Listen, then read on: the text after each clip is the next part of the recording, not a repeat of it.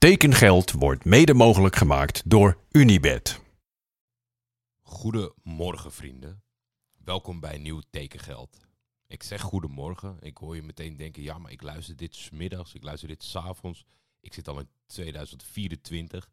Maar we moeten toch een beetje drukken met z'n allen. Dit is echt een, een ochtendshow.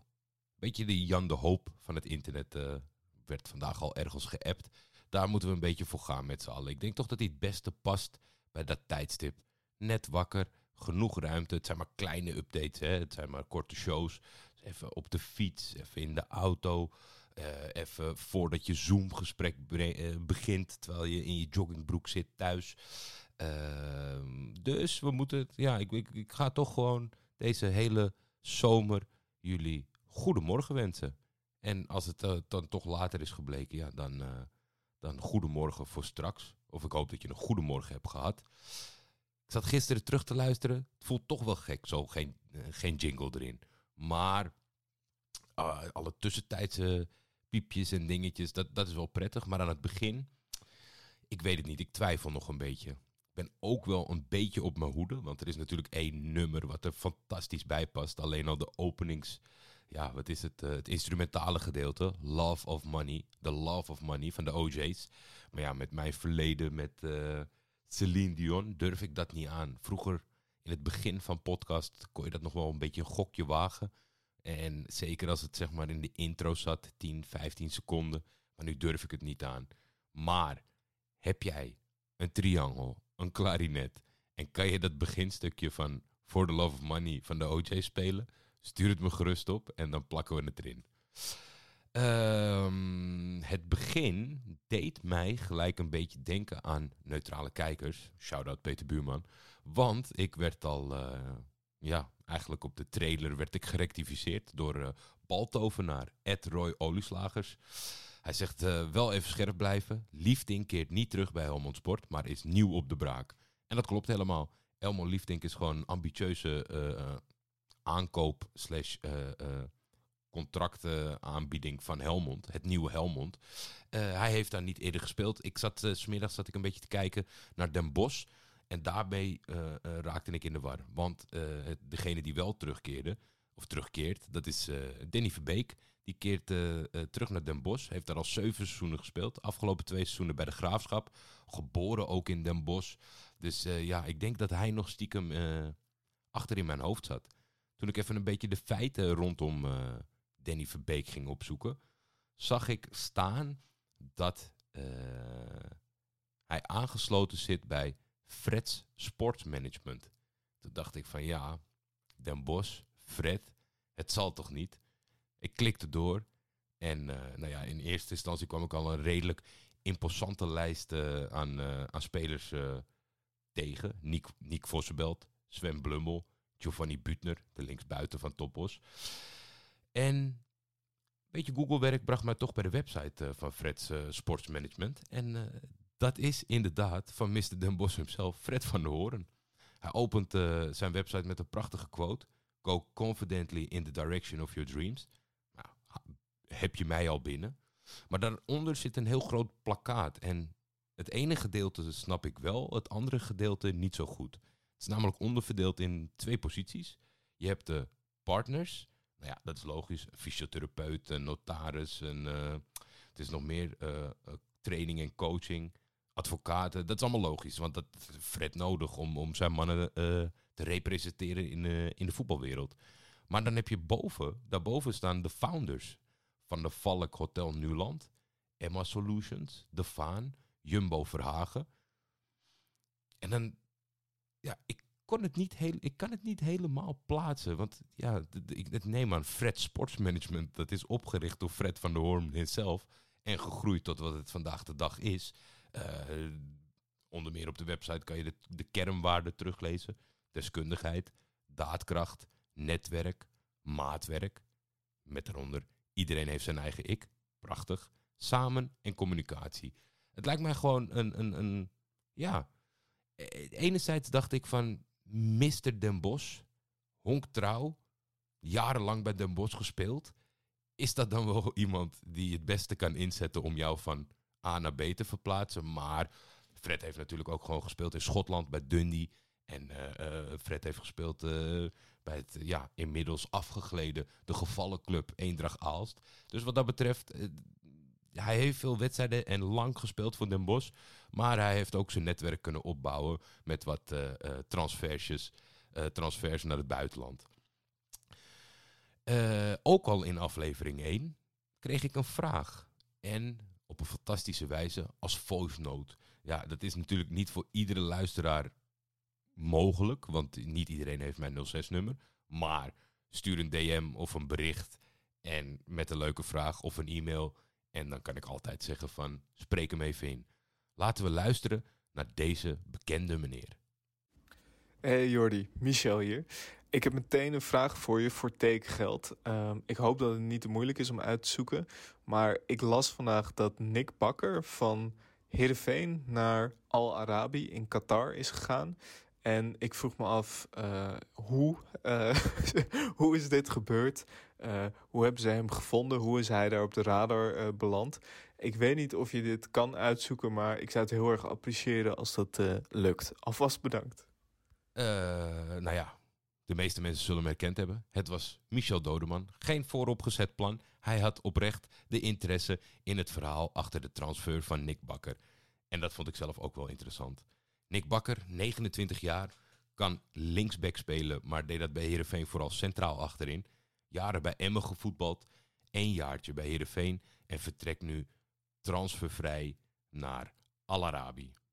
En hier ging het al meteen fout op sommige websites. Ik zag natuurlijk Pieter Zwart altijd scherp dat failliet gecorrigeerd had, maar her en der zijn de berichten nog te vinden. Het betreft niet Al Arabi, de topclub, de zevenvoudig kampioen van Qatar. Het is ook niet Al Arabi uit Kuwait, maar het is Al Arabi uit Unizai. En Uniza, dat ligt 350 kilometer van Riyadh, dus Saudi-Arabië. Ehm, het Al Arabi van Nick Bakker dat speelt eh, op het eh, tweede niveau. Ze zijn recent gepromoveerd uh, na een titel behaald in het, op het derde niveau. Uh, Al Arabi uit Saudi-Arabië die heeft voor het laatst op het allerhoogste niveau gespeeld in 1990-91. En het eerste waar ik aan moest denken toen ik zag waar Uniza lag, was van... Dit zijn van die momenten dat je Henk Spaan en Harry Vermee gemist. Er zijn altijd van die spelers als ik vroeger een willekeurige speeldag aan het schrijven was... of gewoon lekker aan het deepdiven was op Transfermarkt of op Wikipedia. En dan kom je ineens een verdwaalde Nederlander tegen in de jaren 90, denk ik dat het is geweest. Eind 80 en gewoon de volle jaren 90. En dan ging je opzoeken van nou, valt daar wat over te vinden? Heeft hij het goed gedaan? En dan is er altijd een, ja, legendarisch natuurlijk dat iemand het allemaal geüpload heeft. Maar je komt altijd een, uh, een van de programma's van Harry en Henk tegen waarin zij diegene bezoeken. Het, je kan het zo gek niet verzinnen. De, de, de Aziatische kwalificaties voor het WK met een Utrechtse coach uh, op een of andere manier. En, en ik heb wel het idee dat als, als onze Nick Bakker zometeen dartelt de Uniza, dat toch wel een laten we zeggen, de, de, de oude Harry Vermeeg had toch een mooi gesprek met hem kunnen voeren daar op straat. Uh, de club uh, die is eigendom van Amin Al-Malla. En uh, Amin die is rijk geworden met water. Nou is het natuurlijk als je goed water weet te vinden en, en, en, en dat kan vermarkten, is dat natuurlijk altijd een interessant product. Maar ja, daar natuurlijk extra. Water is goud, zouden we wel kunnen zeggen, in die ruimtes. Uh, een beetje uh, speurwerk die uh, deed mij vinden dat zijn watermerk heet Naki Water. En de tagline is Best water ever, fast response, fast delivery and they are straightforward. Nou ja, mij heb je al binnen. Ik begrijp een beetje dat hij te boeken staat als de Elon Musk van Saudi-Arabië. hij voert beleid bij zijn club. Hij, hij komt zelf uit Unisa en wil graag de club terugbrengen waar zij ooit waren in de jaren negentig. Ja, waren klinkt ook, was is misschien beter. Het was één seizoen op het hoogste niveau. Maar hij heeft een droom. En die droom uh, uh, wil hij uh, realiseren. En daar heeft hij Nick Bakker voor nodig. Hij had ook een oogje op Joey Slegers. In de nacompetitie zat deze hele rijke meneer op de tribunes bij FC Eindhoven ADO. Uh, het kwam er niet helemaal uit. Uh, volgens mij een, uh, heeft Joey een, een prachtig aanbod gehad. Maar vond hij het niet het moment om die kant op te verkassen. Nou, denk ik dat we ook met z'n allen een beetje een verkeerd beeld hebben bij de spelopvatting tegenwoordig in de zandbak, zoals we dat hier altijd noemen. Want je denkt natuurlijk oude verdettes, bakken met geld, bloedhitte, weinig spelen. Maar het schijnt dus dat de, de, eigenlijk het, Midden-Oosten, die is helemaal om naar de statistieken. Waarin ze zelfs soms wel eens doorslaan. Het schijnt dus zo te zijn dat onze Nick Bakker, die heeft uh, uitstekende onderliggende cijfers. Uh, en en, en dat, dat wist die man te vertellen toen zij hier met een delegatie op bezoek waren om het gebied Noord-Frankrijk, België, Nederland te scouten. Uh, ja, ik vind, dat, ik vind dat toch gewoon een prachtig fenomeen. Niets vermoedend. Toeter Jan waarschijnlijk door het dolle heen. En op de tribune zit iemand die goed is voor een paar uh, honderd miljoen, als het geen miljard is. Ja, daar zit je toch een beetje te zoeken op dat internet. En dan kom je erachter dat uh, Al-Arabi, die heeft een ja, in de club Al-Naima. en zij spelen, als ze op hetzelfde niveau uitkomen, de Unazai derby. Dus dat, uh, ik hoop, ik weet eerlijk gezegd niet of zij op uh, aankomend seizoen bij elkaar in de pool zitten. Maar ja, ik zou Nick Bakker heel graag willen spreken nadat hij die wedstrijd heeft afgerond over de sfeer. Want, ook, ook een vertekend beeld, Club van het Volk. nou ja, vol stadion ga ik zeggen, maar er zit wel, er zit wel een addertje onder het gras. Want Al-Arabi heeft dus geen eigen stadion. Ze hebben wel een, een trainingsveld en een complex uh, waar ze op kunnen trainen. Maar uh, in Unaizai was er heel lang geen stadion. Op een gegeven moment heb, uh, heeft de regering besloten om er een stadion neer te zetten. alleen hadden ze nog niet helemaal besloten wie van de twee clubs uit Unazai het stadion zou krijgen. Ehm, het werd Al-Naima. de reacties aan de kant van Al-Arabi waren woest. Ze voelden zich benadeeld. En uh, ze dachten dat er gesjoemeld was. Um, in februari 2007, tijdens een uh, interview op het tv-programma CV, geeft dan ook uh, toenmalig president van Al-Naima, en de meneer heet Saleh Al-Wassel, toe dat hij zijn netwerk en, en kennissen en vrienden en, en alle middelen heeft ingezet om het stadion toe te eigenen. Al-Arabi speelt in het ja, Department of Education Stadium, uh, een multipurpose stadium waar er meerdere sporten kunnen afgespeeld worden. Maar als ze er spelen, dan zit het vol met locals, want ze hebben wel een grote achterban. Dus ja, we kunnen het hier moeilijk ontvangen. Volgens mij is het zelfs op livescore amper te achterhalen hoe de resultaten verlopen. Maar Nick Bakker heeft gewoon uh, uh, een goede beslissing genomen, denk ik, door het, door het avontuur te gaan zoeken in Saudi-Arabië. En Saudi-Arabië natuurlijk staan er niet helemaal lekker op op de wereldkaart. Ze proberen kleinschalig wat aanpassingen te doen. Je ziet ook wel meerdere jongens uh, die niet per se van islamitische afkomst zijn, die kant op vertrekken. Uh, vrouwen mogen al enkele jaren, ja, het klinkt heel gek om te zeggen, maar rijden. Uh, zijn te zien in het straatbeeld tegenwoordig. Uh, Riyadh heeft een internationale airport met diverse rechtstreekse verbindingen.